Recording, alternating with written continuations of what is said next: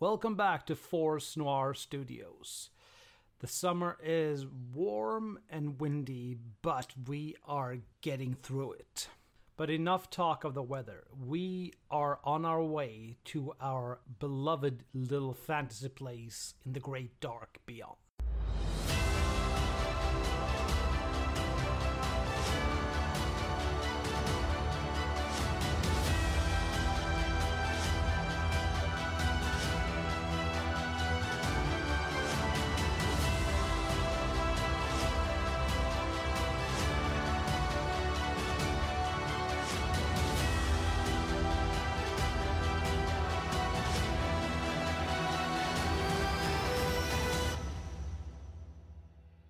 Welcome to a new WoW Friday, the seventh episode in the installment.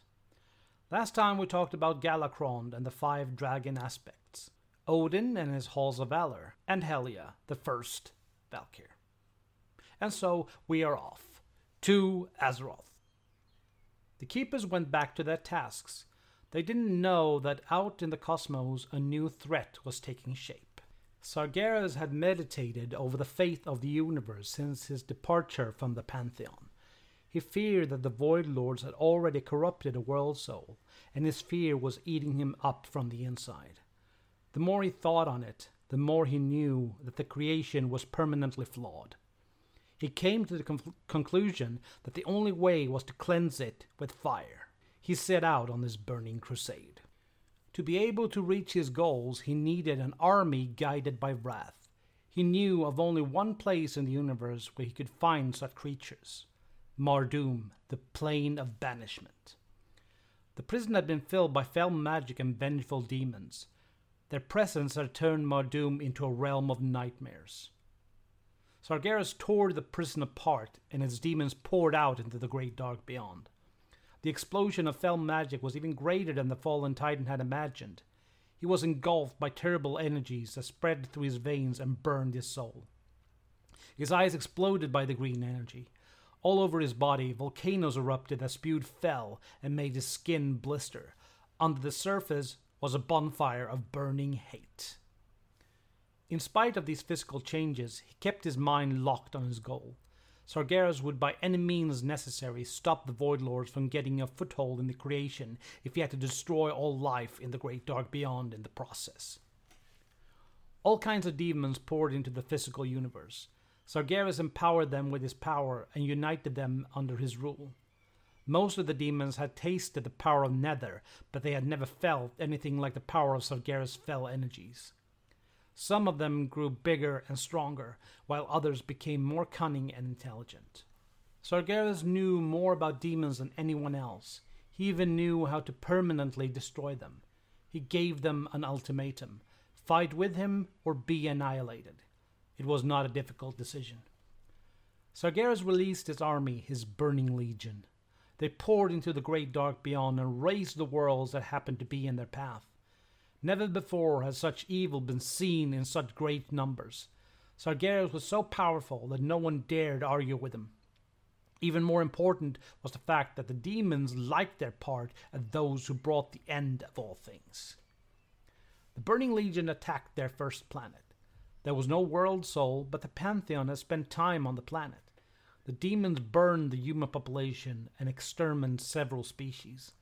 When the constellar that was watching over the planet arrived, Sargeras burnt it to ash. Aggramar was the first to hear about the fate of the constellar. He started pursuing the Burning Legion and caught up with them just as they dev- devastated a planet. He saw the twisted being that once had been his mentor and friend, Sargeras. Aggramar was stunned but demanded an explanation from Sargeras. The former Titan gave him none, but declared that the Burning Legion was the only way to cleanse the universe. Anyone that resisted would be destroyed by fire. Aggramar understood that he would not be able to make Sargeras change his mind and challenged him to combat.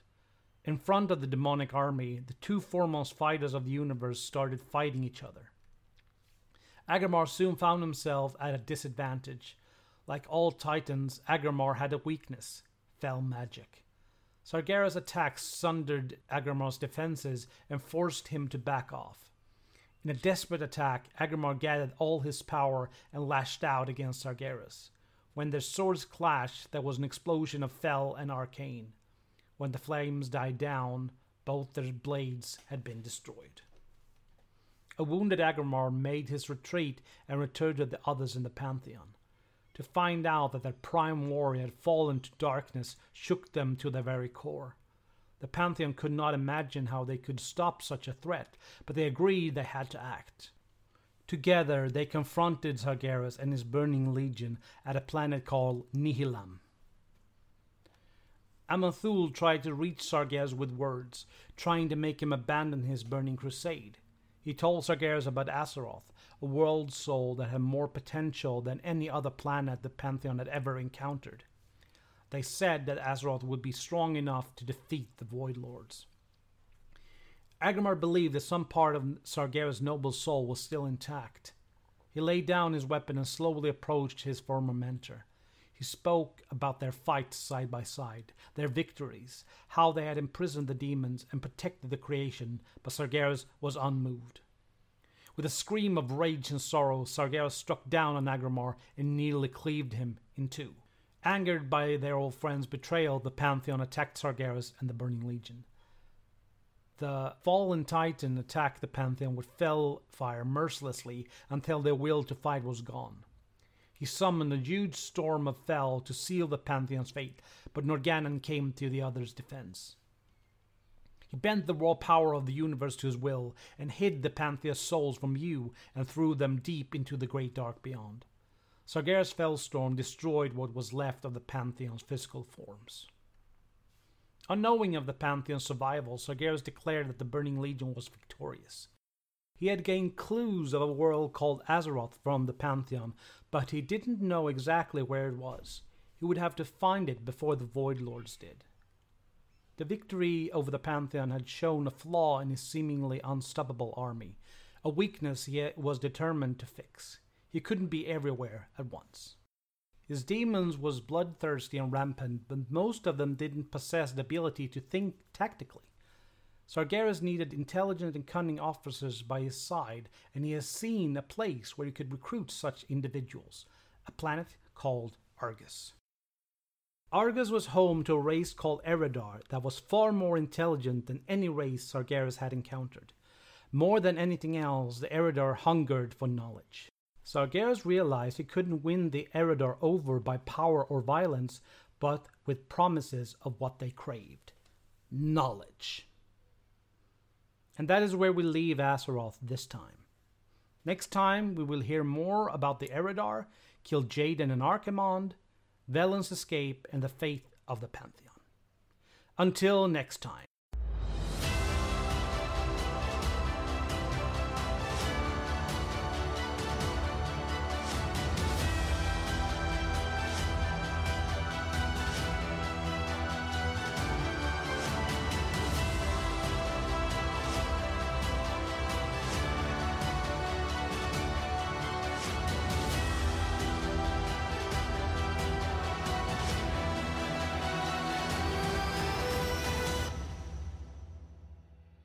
Thank you for listening to today's episode.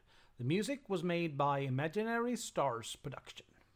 You can follow us on social media. You can find us on Facebook, Force Noir Studios, Twitter at Studios Underline Noir, Instagram, Force Noir Studios as uh, one word, and we have a mail, Force Noir Studios at gmail.com, and also here, Force Noir Studios with one next WoW Friday will be released in one month's time. Until then, take care of yourself, try not to melt in the hot summer, and we will see you soon. Stay tuned.